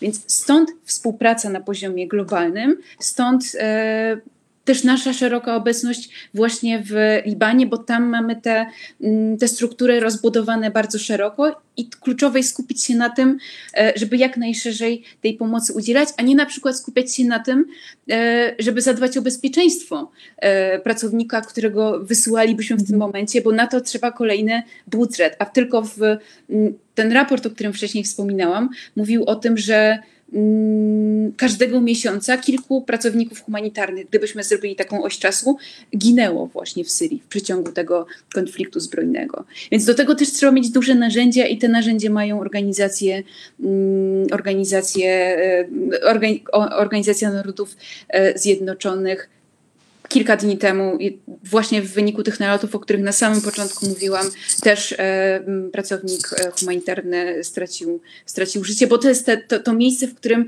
rzeczywiście przy tym przejściu granicznym gromadzą się i magazyny, i wiele organizacji. E, siedem przestało działać w ostatnim, ostatnich tygodniach e, po tych nalotach, zawiesiło działalność, precyzując. Więc to pokazuje też, że rzeczywiście to zagrożenie mm, nie można się skupić na zagrożeniu, e, które dotyczy pracownika, tylko my mamy tę pomoc jak najskuteczniej e, zrealizować, bo to ten człowiek, który potrzebuje pomocy, ma, ma ją otrzymać, a nie, e, a nie my mamy być w miejscu, w którym pomachamy i powiemy: hej, tu jesteśmy, pomagamy. Nie, no, przede wszystkim jest człowiek, któremu pomagamy i trzeba mieć jak najlepsze struktury do tego, żeby skutecznie to robić. Jeżeli macie więcej pytań a propos takich właśnie kulisów, udzielania y, pomocy y, humanitarnej, odpowiedzialnej pomocy również. Y, znajdźcie Aleksandrę Rutkowską na Instagramie. Bardzo ciekawy, edukacyjny profil, bardzo dużo można się dowiedzieć, serdecznie Wam polecam. Bo również tutaj w komentarzach mamy takie pytania, gdzie można Cię znaleźć i, i gdzie można właśnie zobaczyć, jak to wygląda, czy ewentualnie jeszcze o coś dopytać. Także y, już powoli y, zmierzając do końca naszej rozmowy, mm, chciałabym taką jedną refleksję przywołać też z, mojej, z mojego pobytu na Bliskim Wschodzie. Dosyć często, szczególnie właśnie w Syrii, w Libanie, to właściwie za każdym razem, wśród Palestyńczyków również, ale też Algierczyków, Egipcjan, widziałam taki Y, taki smutny żart trochę, y, gdzie właśnie osoby pytane o y, bieżącą sytuację w ich kraju, tak teatralnie spoglądały na zegarek, mówię, no wiesz co, to wojna u nas będzie tak powiedzmy za 3-4 lata. I na przykład ja Libańczyków tak 4 lata temu pytałam, no, no ale jak, jak, a dlaczego za 4 lata? No bo u nas to tak jest, że to tak co 30-40 lat to wraca. Za 4 lata tu przyjedziesz znowu z tą swoją plakieteczką, że tam korespondent i, zobaczysz, że tutaj nie będzie co zbierać. No i te, teraz trochę jest to za 4 lata, no, no i trzeba powiedzieć, że no niewiele się pomylili. No i moje pytanie brzmi, y, pytanie do Was obu, czy to faktycznie musi tak być, że co te 30-40 lat, to zwłaszcza kobiety zwracały uwagę, że no tak, my tutaj teraz sobie to odbudujemy, Tutaj powoli to jakoś poskładamy, ale to nasze wnuczki, to, to one teraz już będą patrzeć na to, jak my to zbieramy znowu do kupy, żeby wiedziały, jak te, te 30-40 lat znowu. Czy to hmm. musi tak być, Patrycja? Mm, nie, nie. Wydaje mi się, że to jest żart y, trochę poprzedniego pokolenia, który ja też znam. Y, pokolenia, które jest przyzwyczajone właśnie do takiej zmiany pokoleniowej, co 25, być może 30 lat. Natomiast sprawy następują teraz znacznie szybciej i zmiany następują teraz znacznie szybciej. Mm, po pierwsze, to Afryka subsaharyjska jest według raportów SIPRI, na przykład Sztokholmskiego Instytutu Badań nad Pokojem, najbardziej konfliktogennym regionem, wcale nie Bliski Wschód. A arabska wiosna pokazała, moim zdaniem, i też oczywiście używam tego terminu w cudzysłowie, no tak, żeby po prostu wszyscy wiedzieli o co chodzi. Chodzi o te rewolucje które, i zmiany społeczno-polityczne, które zaczęły się w 2011 roku. To, to miał być zryw, który się skończył, ponieważ rozpoczęły się wojny domowe. Tymczasem po tych państwach, które wówczas zapłonęły w 2011, a było ich ale zdaje się osiem w sumie, w tym sześciu dyktatorów obalono one mają swój dalszy ciąg. To znaczy od 2019 roku są protesty i obalanie dyktatorów również w Sudanie, w Algierii, w Libanie, w Iraku. Czyli, czyli te zmiany, które się działy 10 lat temu, 2011, one dekadę później powracają i, i na nowo z nową siłą ujawniają się. Więc e, pewnie bym się zgodziła z tym, że region Bliskiego Wschodu jest obszarem pewnej permanent, takiego permanentnego fermentu w tej chwili polityczno-społecznego, Yy, niekoniecznie konfliktu, no bo te konflikty są jakieś tam punktowe, ale nie możemy patrzeć na Bliski Wschód jako obszar w permanentnym konflikcie, bo to trochę tak degraduje po prostu ludzi, którzy tam mieszkają, prawda, w jakimś sensie.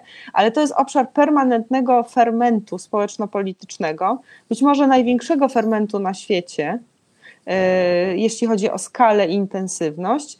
I, e, ale to jest proces y, postępowy, uważam. To znaczy, to jest proces, który wynika z przekroczenia takiej bariery strachu, y, którą y, bali się rodzice, to, to pokolenie wcześniejsze Egipcjan, Tunezyjczyków, to są ludzie, którzy się bali być w przestrzeni publicznej, którzy bali się mówić, co myślą, publicznie.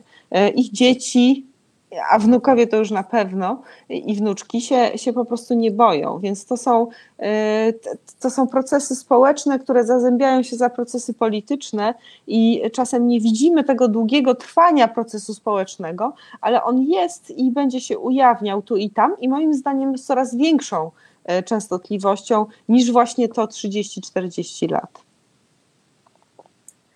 Serdeczne dzięki. Olu, a ty jak uważasz? Czy to, czy to musi tak być? Czy, czy ten konflikt musi tam wracać? Czy jest jakaś szansa, żeby wreszcie ten łańcuch przerwać?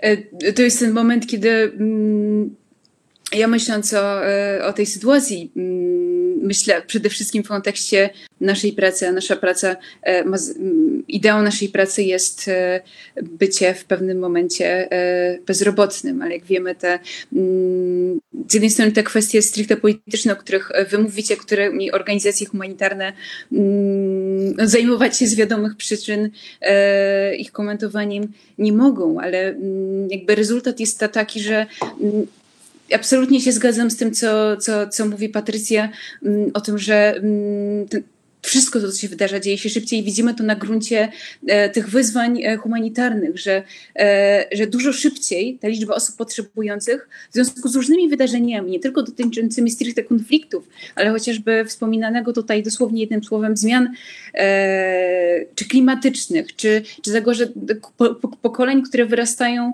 mm, jedyną rzeczywistością, którą uznają jest rzeczywistość wojenna. Szereg tych różnych płaszczyzn e, mm, powoduje, że, mm, że trudno jest, trudno jest mieć, e, mieć nadzieję na niepowracające, niepowracające i, i tlące się te zażywia konfliktów. Ja analizą geopolityczną się nigdy nie zajmowałam i tutaj myślę, że mandatu też do tego nie mam. Nie chciałabym występować w roli komentującej tej materii. Istotne jest, istotne jest jednak to, że, no, że widzimy, że, że ta oś czasu, jeśli chodzi o niesienie pomocy humanitarnej, te sytuacje jest tylko trudniejsza i to wynika nie tylko z mm, kryzysów e, stricte zbrojnych, ale też tego, w jaki sposób, w jaką stronę idzie świat i nie tylko to dotyczy Bliskiego Wschodu, ale też e, no, pewnego niedosytu dóbr, zasobów, które są, e, które są skończone, których nie widzimy na przykład, w, nie odczuwamy tak silnie w Europie,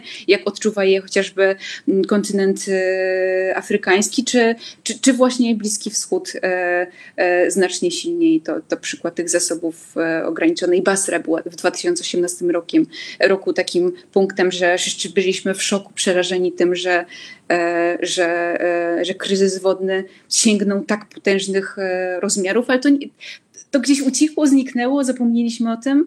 Mm, ale to w dużej mierze będzie, będzie pewnie potęgowane. O tej cykliczności nie chciałabym mówić, bo, bo, bo to nie jest rzecz, którą, którą, którą mogłabym komentować z z poziomu ekspertki.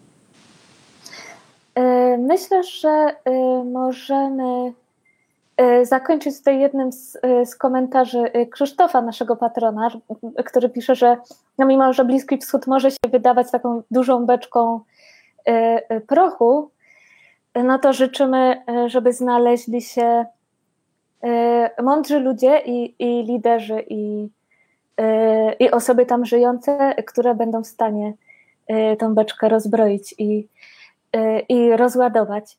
Y, będziemy do pewnego stopnia ten temat konfliktu i pokoju y, kontynuować w najbliższy poniedziałek, bo wtedy o 20 spotkamy się z Aleksandrą Łojek, która obecnie mieszka, pracuje w Irlandii, zajmuje się tematyką terroryzmu, dżihadu również i z nią właśnie o dżihadzie będziemy rozmawiać. Bardzo Was serdecznie zapraszam w poniedziałek o 20 tutaj na Facebooka Salam Lab. A tymczasem, szanowne panie, bardzo serdecznie Wam dziękuję e, za bardzo złożoną i, i merytoryczną dyskusję. Jestem pewna, że e, nie tylko e, fanklub dr Sasnal, ale również fanklub Aleksandry Rutkowskiej nam się tutaj utrzyma i, i rozrośnie na naszym profilu. Jestem pewna, że to nie jest ostatni raz, kiedy widzimy się w tym gronie. Mam wielką nadzieję, że jeszcze przyjmiecie zaproszenie od nas i jeszcze raz bardzo, bardzo serdecznie dziękuję Wam za dzisiaj. Dziękuję uprzejmie. To Przepiękne dzięki. Przyjemność. dzięki. Przyjemność i zaszczyt. Bardzo dziękuję. Dziękuję.